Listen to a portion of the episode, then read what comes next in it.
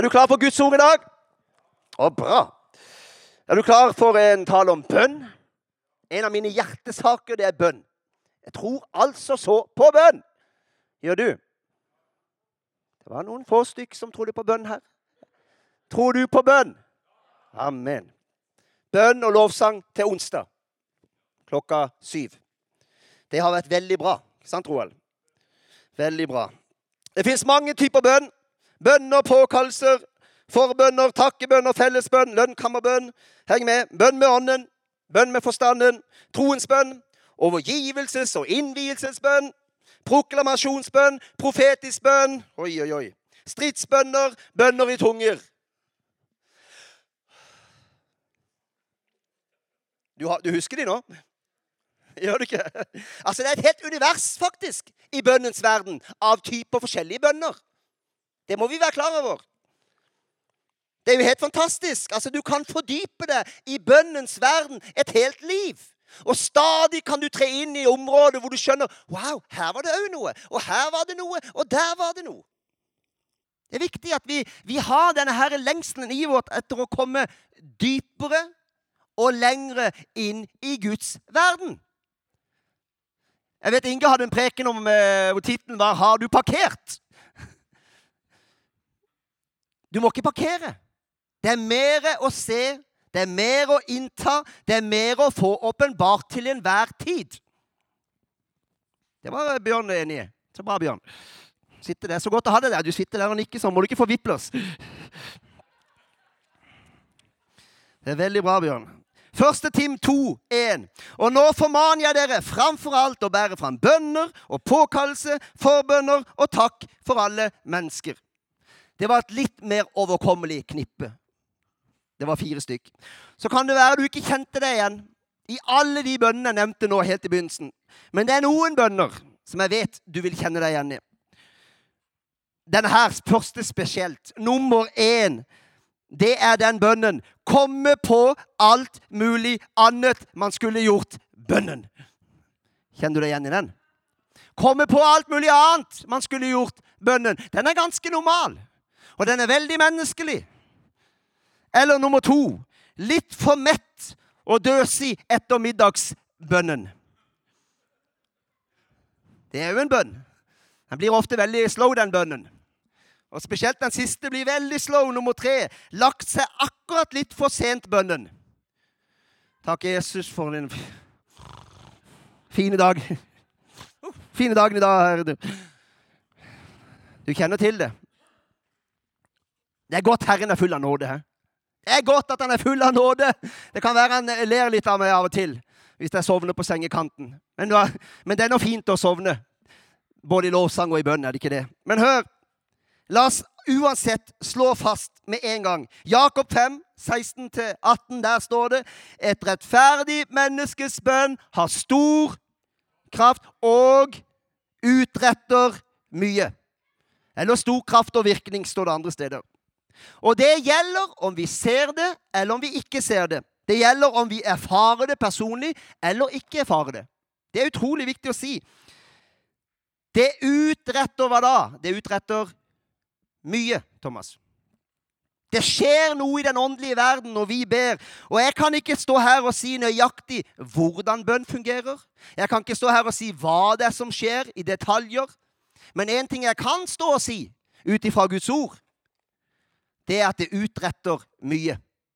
Om jeg skjønner alt, betyr ingen verdens ting. Det utretter mye. Og det er et ståsted som jeg har valgt. Jeg har valgt å stole på Guds ord. At når Guds ord sier at bønn utretter mye, så gjør det det. Ferdig snakka. Er det ikke nydelig å ha så enkel teologi? Det er fantastisk. Sparer meg for så mye problemer. Jeg velger et standpunkt hvor jeg gir Guds ord rett. Det stemmer, det han sier. Det er ikke avhengig av hvordan jeg føler meg. Det er ikke avhengig om jeg føler jeg har fått mange nok bønnesvar til å kunne si ja, det stemmer. Nå har han svart på 50% av mine bønner, så da stemmer det. Det er helt irrelevant. Det stemmer, for det står i denne boka. Det er litt av et grunnsyn å ha. Det er et grunnsyn du kan velge. Det er et valg du kan ta. Jeg velger å forholde meg sånn til hele Guds ord. Guds ord er sant. Guds ord har rett. Og noen tenker ja, det blir veldig virkelighetsfjernt, Geir. Det trenger det ikke bli. Det kommer vi inn på. Det trenger ikke bli virkelighetsfjernt. Ja, men jeg føler meg ikke så rettferdig. Vi leste at et rettferdig menneskes bønn Det er kanskje derfor det skjer så lite, tenker du. For jeg føler meg ikke så rettferdig. Hm. Er du frelst, så er du rettferdig. Det er jo en sånn ting som du bare kan slå fast. Er du frelst, så er du rettferdig. Det er akkurat likedan som om enten er du skyldig, eller så er du uskyldig. Det er ikke noe midt imellom. Du kan ikke være litt rettferdig eller mye rettferdig. Du kan være rettferdig eller ikke rettferdig. Det er så enkelt. Og hva var nøkkelordet her? Det er i ham. På Golgata så blir vi erklært rettferdige. Enhver som tok imot ham, gav han retten til å bli Guds barn. Og i det brøkte av et sekund man tar imot Jesus, så er man rettferdig, erklært uskyldig. Så da slår vi det fast, da. Enhver i dette rom som tror, alle deres bønner bærer mye kraft og virkning. Der kan du si amen. Jeg har fått mange bønnesvar i mitt liv. Jeg kunne prekt over det. Skal ikke det. Jeg har sett regn stoppe på kampanjer etter at vi har proklamert og nesten holdt igjen. Stått der en uke, for så pøse ned dagen vi reiser. Jeg husker en gang eh, Lommeboka mi forsvant. Det er jo krise. Der ligger jo alt. Og jeg lette og lette etter den lommeboka en hel uke. Og så tenkte jeg, men eh, plutselig etter en uke så slo det meg du må jo be. Det kan være vanskelig å be for sånne eh, enkle ting av og til. Vi tenker at det blir for banalt. Og så satte jeg meg ned og så bare nå må du vise meg, Gud. Jeg trenger den lommeboka. Og i det brøkdelet av sekundet jeg nesten hadde fått bedt den bønnen, så slo det ned i meg. Stikk hånda ned mellom nattbordet og veggen. Og der hadde han kilt seg fast. Og lå mellom nattbordet og veggen. Umulig å finne, men der lå han. Tenk at Gud, tenk at vi har en sånn Gud som kan bry seg om sånne ting. Så sitter han i himmelen og så ser han at jeg leiter en hel uke, og så sitter han der. Ja, nå skal du be, da. Jeg vet jo hvor han er, Geir. Det er bare å spørre meg.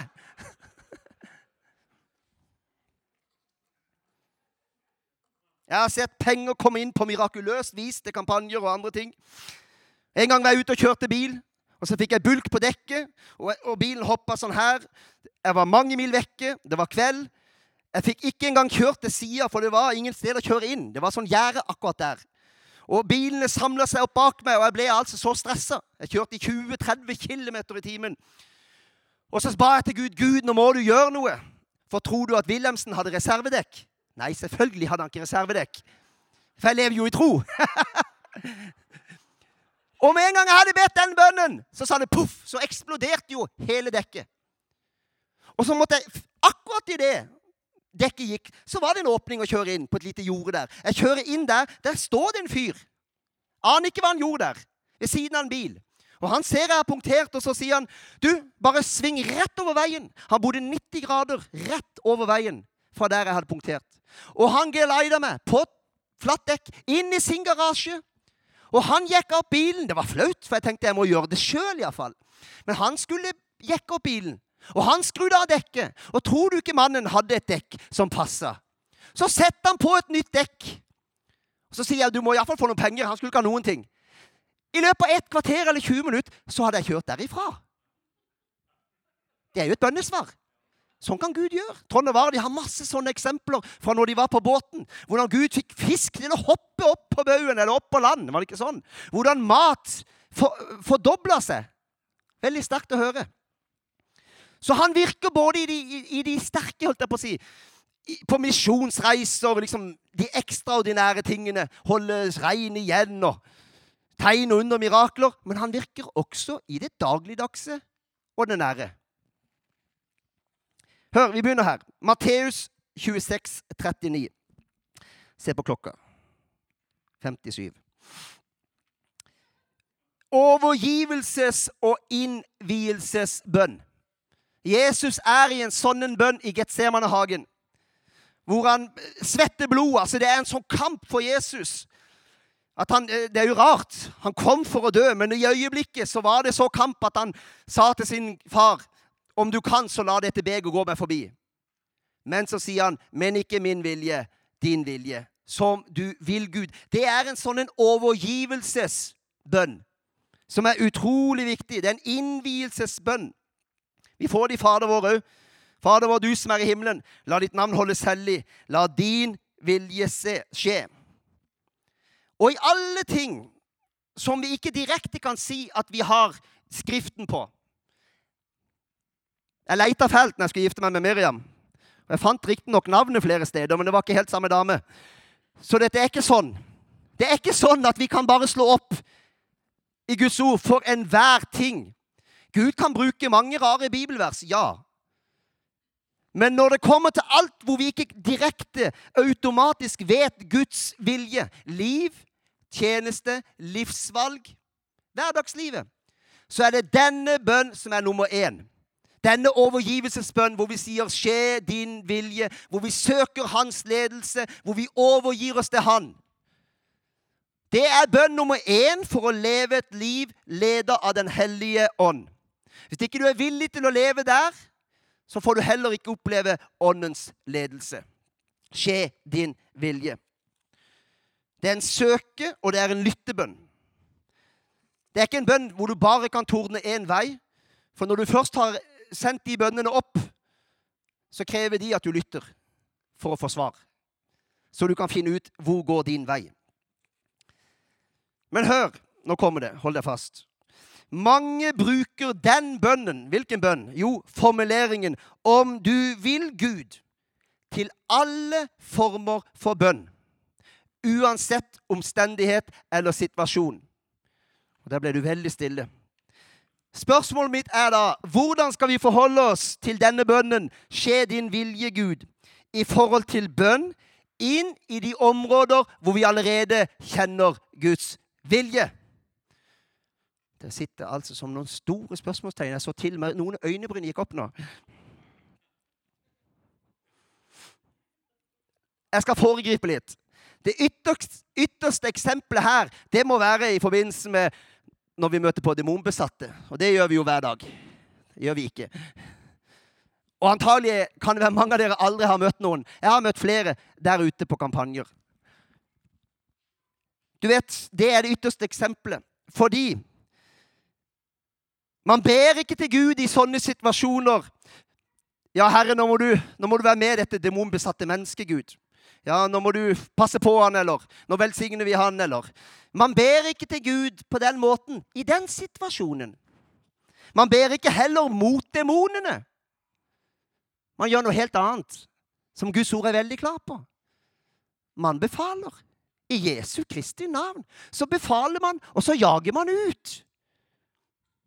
Hvorfor det? Fordi at Guds vilje i denne situasjonen er åpenbar.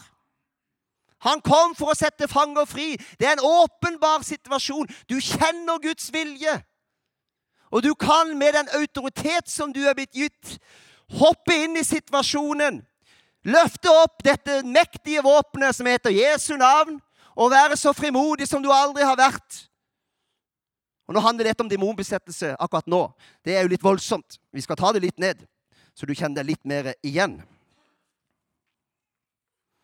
Nå er vi inne på det området som handler om overlevert autoritet i navnet Jesus. Enhver kristen har blitt overgitt autoritet. Han kalte sammen de tolv og ga dem myndighet over alle onde ånder og makt til å lege sykdommer. Så sendte han dem ut for å forkynne evangeliet om Guds rike, Roald. Du var inne på Guds rike nå forrige søndag. Og helbrede syke. Du vet, vi synger jo 'Han har makt'. Og det har han jo. Han har all makt. Vi er veldig vant til å tenke at han har all makt. Ja, det stemmer. Vi tenker at han har makt over alle de onde ånder, tenker vi. Og det er rett. Men det står nå vitterlig her i Guds ord at vi alle i dette rom, er blitt gitt makt over alle onde ånder.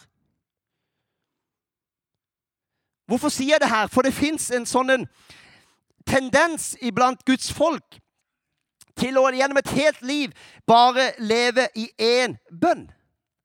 Og det er ofte den første bønnen her. Skje din vilje, Gud.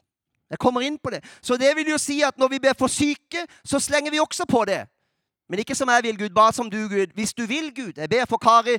Gjør helbredo. Hvis du vil, Gud. Det har jeg hørt veldig mye av opp igjennom.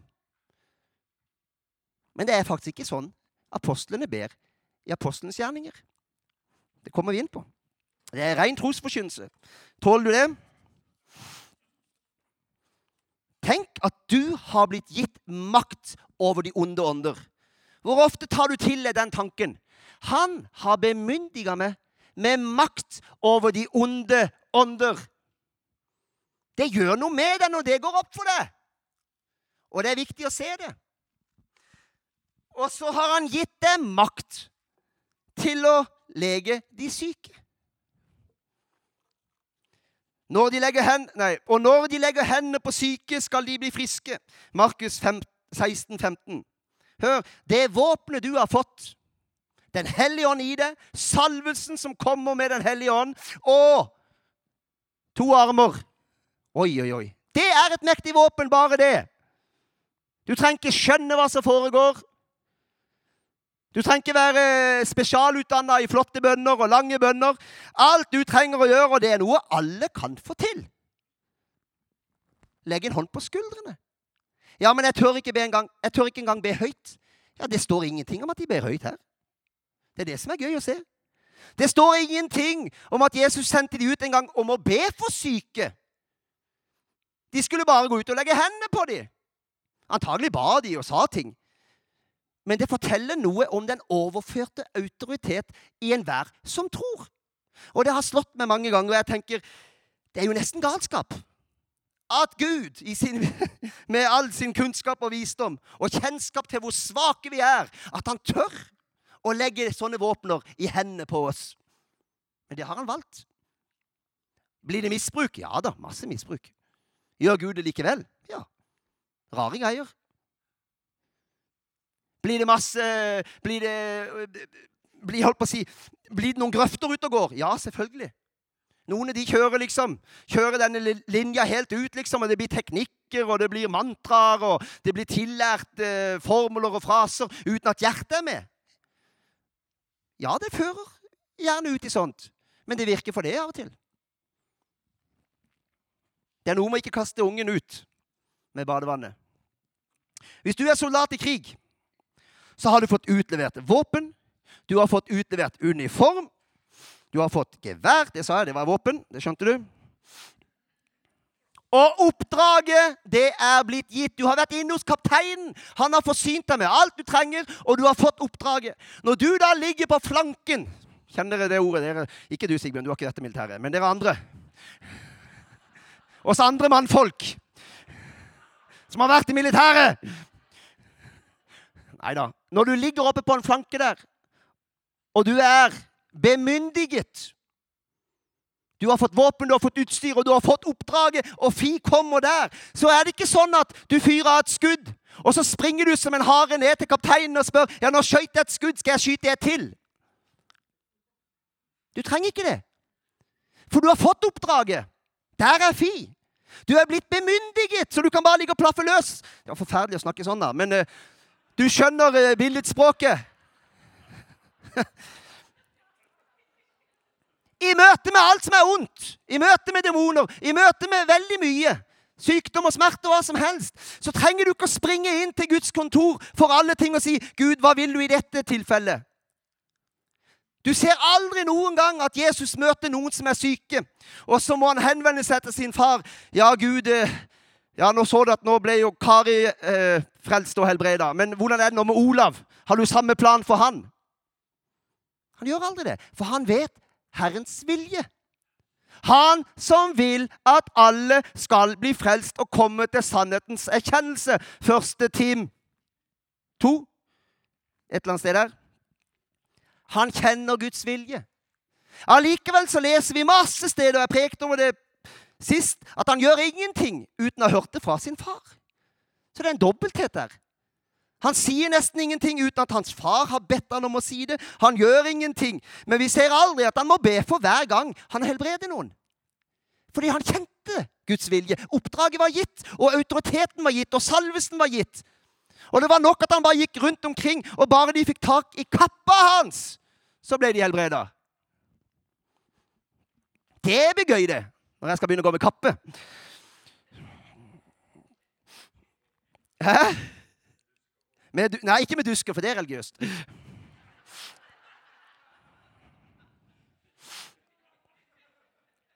Hør, troens bønn vil jeg snakke om. Skråstrek takke bønner. Jeg ser veldig lite på dere nå, Jorunn. Nå ser jeg det. Når du kjenner Guds vilje i ordet Det er derfor du må kjenne ordet.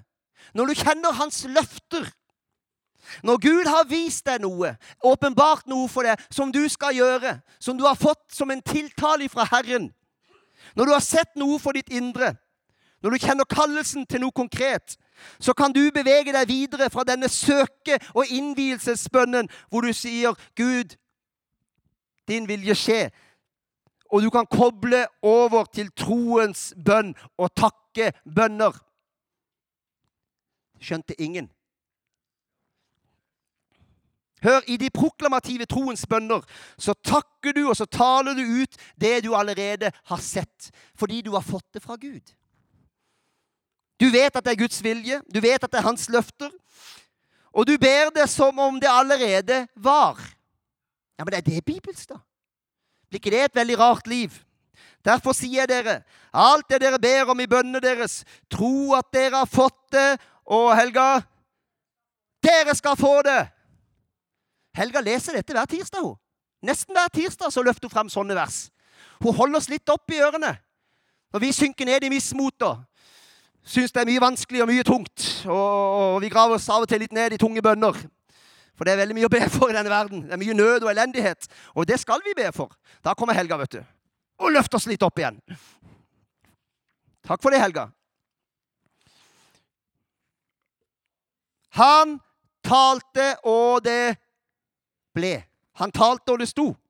Gud selv skaper ut ifra skaperord. Derfor har Guds ord makt langt utover bare de mennes den menneskelige betydningen av ordene. Fordi dette er skaperord. Det er derfor jeg er så opptatt av og tror så veldig på å tale ut Guds ord med bibelvers, gjerne som det står, og ikke bare preke rundt Guds ord. Det er litt to forskjellige verdener der. Mine betraktninger og mine filosofier og mine teologier som jeg har lest her eller der. Nei, vi kan gjøre det veldig enkelt. Du kan tale ut det skrevne ord. For det er der kraften ligger.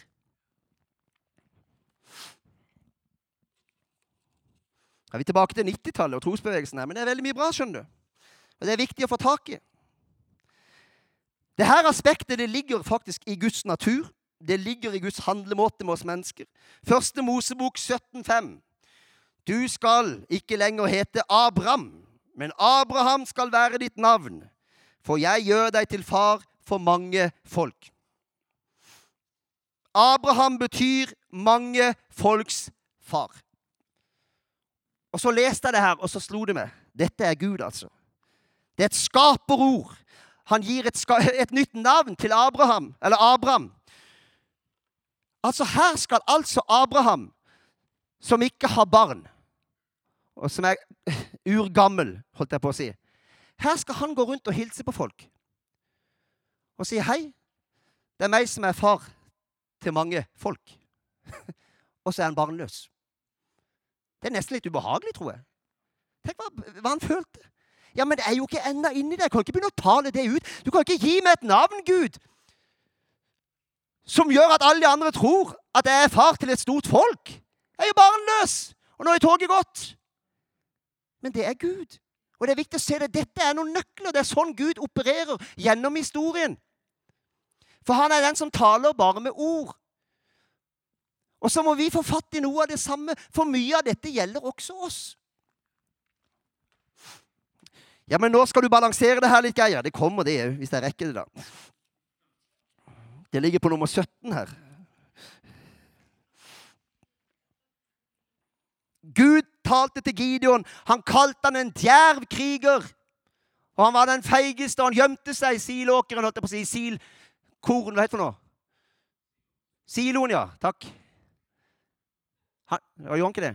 Ja, litt treskemaskinen der. Der var han! Men Gud kaller noe annet enn det han er for øyeblikket. Det er skapende ord. Hva kaller han det? Det blir gøy. Når en eller annen Hvem skal jeg ta her? Ingen, antagelig. Når du kan gå rundt og si hei, det er Knut, verdensevangelist. Aldri vært på kampanje, aldri vært ute før. Men hvis Gud har talt, så kan du nesten gjøre det. det var iallfall det Abraham måtte. Verdensmester i kulestøt Wilhelmsen her. Jeg har, jeg har, ingen intensjon om å bli det, altså. De har jo gjerne litt mage, de, da, så det, kunne jo kanskje, kanskje det var noe profetisk over det. Det er kanskje det jeg skal begynne med. Hør, jeg tror vi beveger den åndelige verden kraftig med trosbønner. Det er jeg overbevist om. Denne type bønn som taler frimodig ut Guds ord og Guds løfter. Tror du?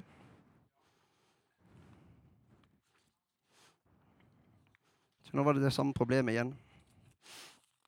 Det er når kopimaskinen skriver ut på begge sider. Det er dumt. Troen kommer av forkynnelsen, står det. Når vi ber ut Guds løfter, så tror jeg at vår egen tro aktiveres. Og jeg tror at himmelens krefter aktiveres på en spesiell måte. Fordi at hele universet responderer på trosordet, på løftesordet. Jeg tror det er en proklamasjon inn i den onde ånde her. Og den onde ånde her hater Guds ord, og de hater Guds løfter. Hvorfor det? For de vet at det uttalte Guds ord er, bærer i seg makt og skaperkraft. Det binder de, og det vet de. Nummer tre djevelen og hans onde makter og myndigheter de hører et folk som har tatt til seg ordet, som står på ordet, som tror på ordet, og som ber det ut. Og de gremmes, demonene. Alle de åndskrefter. De gremmes. Hvorfor det? For de vet, de vet noe.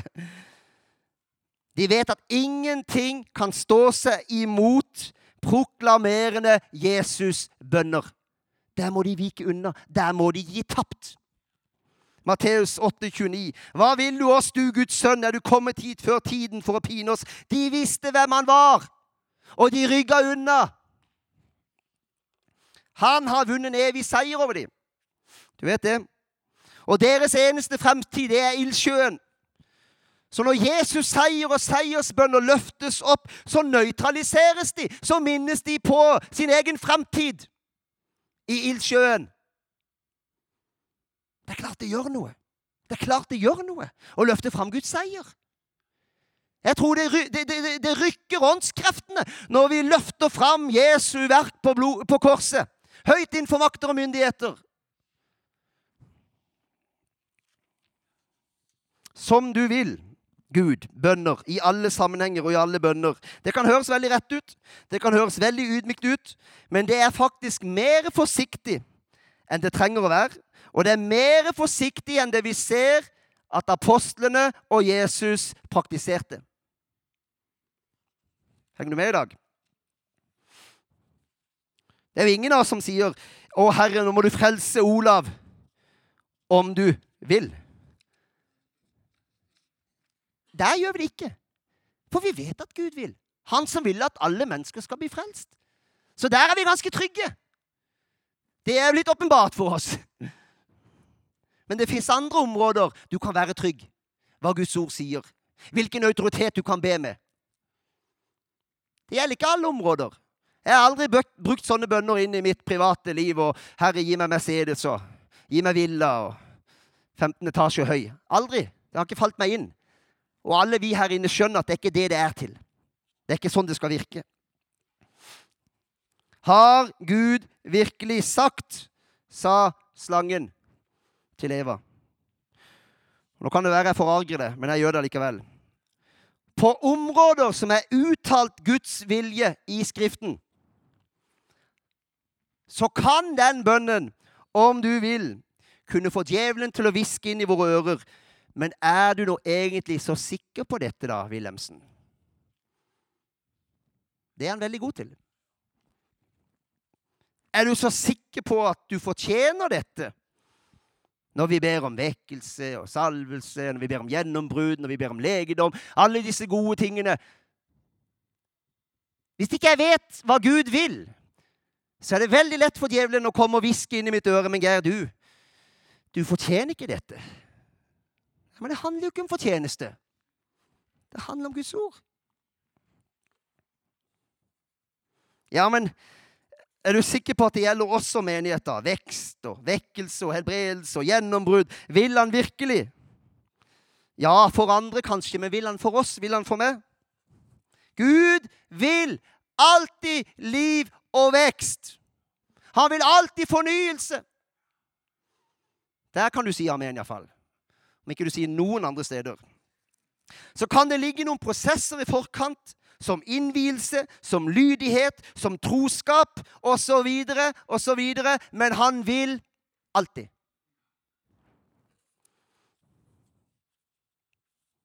Ja, vil han? Vil han helbrede? Jeg spør ikke om det alltid skjer. Jeg er jo ikke mindre, mindre intelligent. Jeg får jo med meg at det ofte ikke skjer. Jeg har jo astma, allergier, jeg har lange lister sjøl.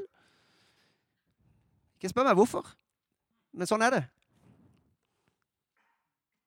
Jeg registrerer at det ofte ikke skjer. Og så ærlig kan vi vel være. Men vil han? Ja.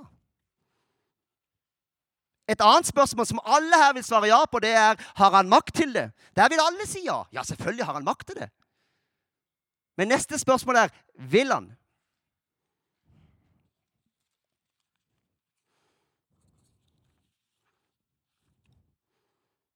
Da kom en spedalsk, kastet seg ned for ham og sa, 'Herre, om du vil, kan du gjøre meg ren.' Jesus rakte ut hånden og rørte ved ham. 'Jeg vil', sa han, 'bli ren'. Sannelig, våre sykdommer tok han på seg, og våre smerter bar han. Han tok våre sykdommer. Det var hans vilje. Og nå er vi tilbake til der vi var, med at en rettferdig manns bønn har stor kraft og virkning. Jeg erfarer ikke alltid i enhver situasjon at det er sånn i mitt eget liv. Men jeg har valgt et standpunkt om at Guds ord er rett. Jeg har valgt et standpunkt om at hans legedom er utgitt. Og så vet ikke jeg alltid hvorfor det er sånn, og hvorfor det er sånn, og hvorfor ikke jeg blir helbreda, hvorfor Miriam sliter voldsomme kroniske betennelser i ryggen. Vet ikke, og jeg trenger ikke alltid svaret heller. Men det jeg vet, det er at jeg vil følge Guds ord. Og jeg skal ikke leve noe livsfornektende liv. Nå kommer balanseringa. Nå kan dere smile, noen av dere. Kan du smile? Nå kommer balanseringa. Jeg snakker ikke om å leve livsfornektende liv.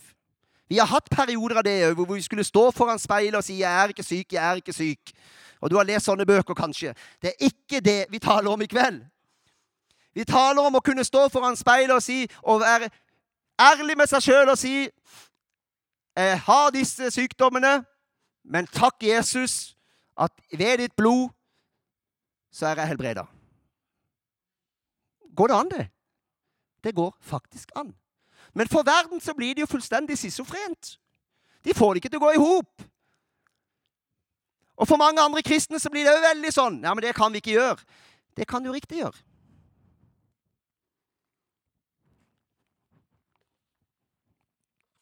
Det er et greit utgangspunkt.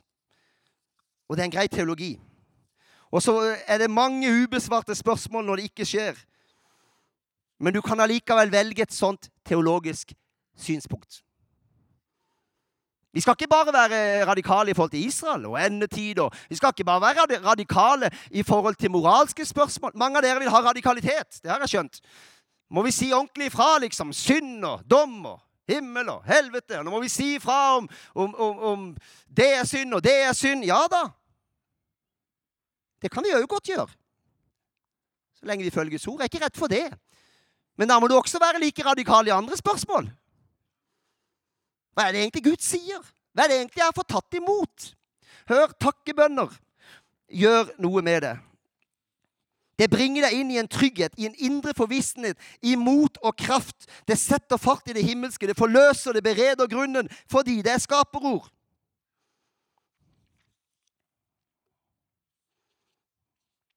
Følger du meg i dag? Bare noen få. Skal vi se på klokka der. 23, Ja, ja, ja. ja. Det var litt over 25 minutter. Skal ikke holde på så veldig lenge, kjenner jeg. Bønner i gråsonen. Skriver dere 'bønner i grå, gråsonen'? Hva er det? Aner ikke. Det står her. Nei da. Hør. Bønner hvor vi ber Gud gjøre noe vi allerede vet han har gjort. Det gjør vi masse, vi mennesker. Og det er ikke noe katastrofe. Gud er full av nåde. De bønnene kommer igjen, gjennom. Men det er greit å være litt våken. Altså type tiggerbønner, hvor vi på en måte Vi kommer oss aldri videre fra en slags sånn en tiggerposisjon. Og så spør vi Gud om det ene og det andre. Og veldig ofte så er det ting som Guds ord sier klart at han allerede har utøst. Som han allerede har gitt. Og Derfor forkynner vi dette, sånn at du kan tenke litt over det. og tenke, ja vel, Men da kan jeg bevege meg litt, da. Kan jeg bevege meg et skritt, og så kan jeg si OK Jeg føler hvis det mangler det ene og det andre. Ja, dine følelser gjør det. Jeg føler stadig vekk jeg mangler noe. Men allikevel så kan jeg komme her på morgenen jeg kan være trøtt som en Som Miriam, holdt jeg på å si. Da er du trøtt på morgenen. Hun vet ikke hva hun heter, hun vet ikke hvem hun er, hun vet ikke hvem hun er gift med. Så trøtt er hun. Geir, sier jeg. Du er i Froland. Følg fingeren. Og allikevel kan jeg gå inn her. Det er ikke en følelse i kroppen min, for jeg var trøtt og sliten. Men fordi jeg har fått noe åpenbart, så kan jeg allikevel gå rundt her og si takk, Herre, for din seier i mitt liv i dag. Takk for at du lever. Takk for at du triumferer. Takk for at du har overøst meg med din velsignelse. Ja, har han det, da? Hvordan vet jeg det? Jeg vet det fordi Guds ord sier det. Lovet være Gud, vår Herre Jesu Kristi Far, Han som i Kristus har velsignet oss med all åndens velsignelse i himmelen. I Kristus har Han utvalgt oss før verden ble skapt, så vi skulle stå hellige og feilfri for Hans ansikt. I kjærlighet har Han Hva har Han? Det sto ikke mer. Utvalgte oss nå er det slutt på disse her doble sidene, Kristine. Nå er det slutt. Har han av sin og ta det på husken, av sin egen frie vilje utvalgt oss til å få barnekår.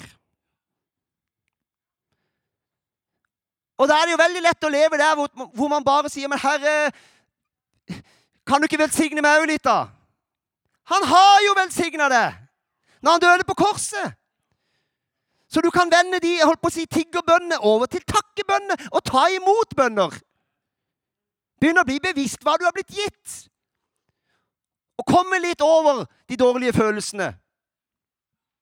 Det går an, det. Ja, men herre, må du, må du gi meg barnekår? Han jo har gitt deg barnekår. Da er det tid for å begynne å takke for barnekår, da. Ikke spør om å få masse du allerede har fått.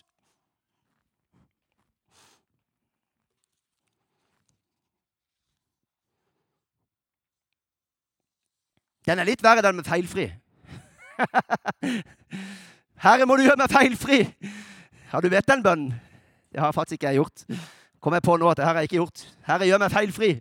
For jeg vet at i meg sjøl kommer jeg aldri dit.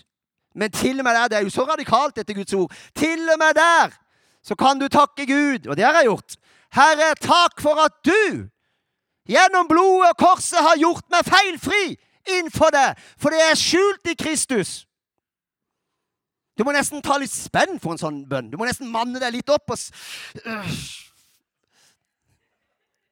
Men du kan be den bønnen. Hvorfor det? For det står i Guds ord. Og vil ikke vi stå på Guds ord, da?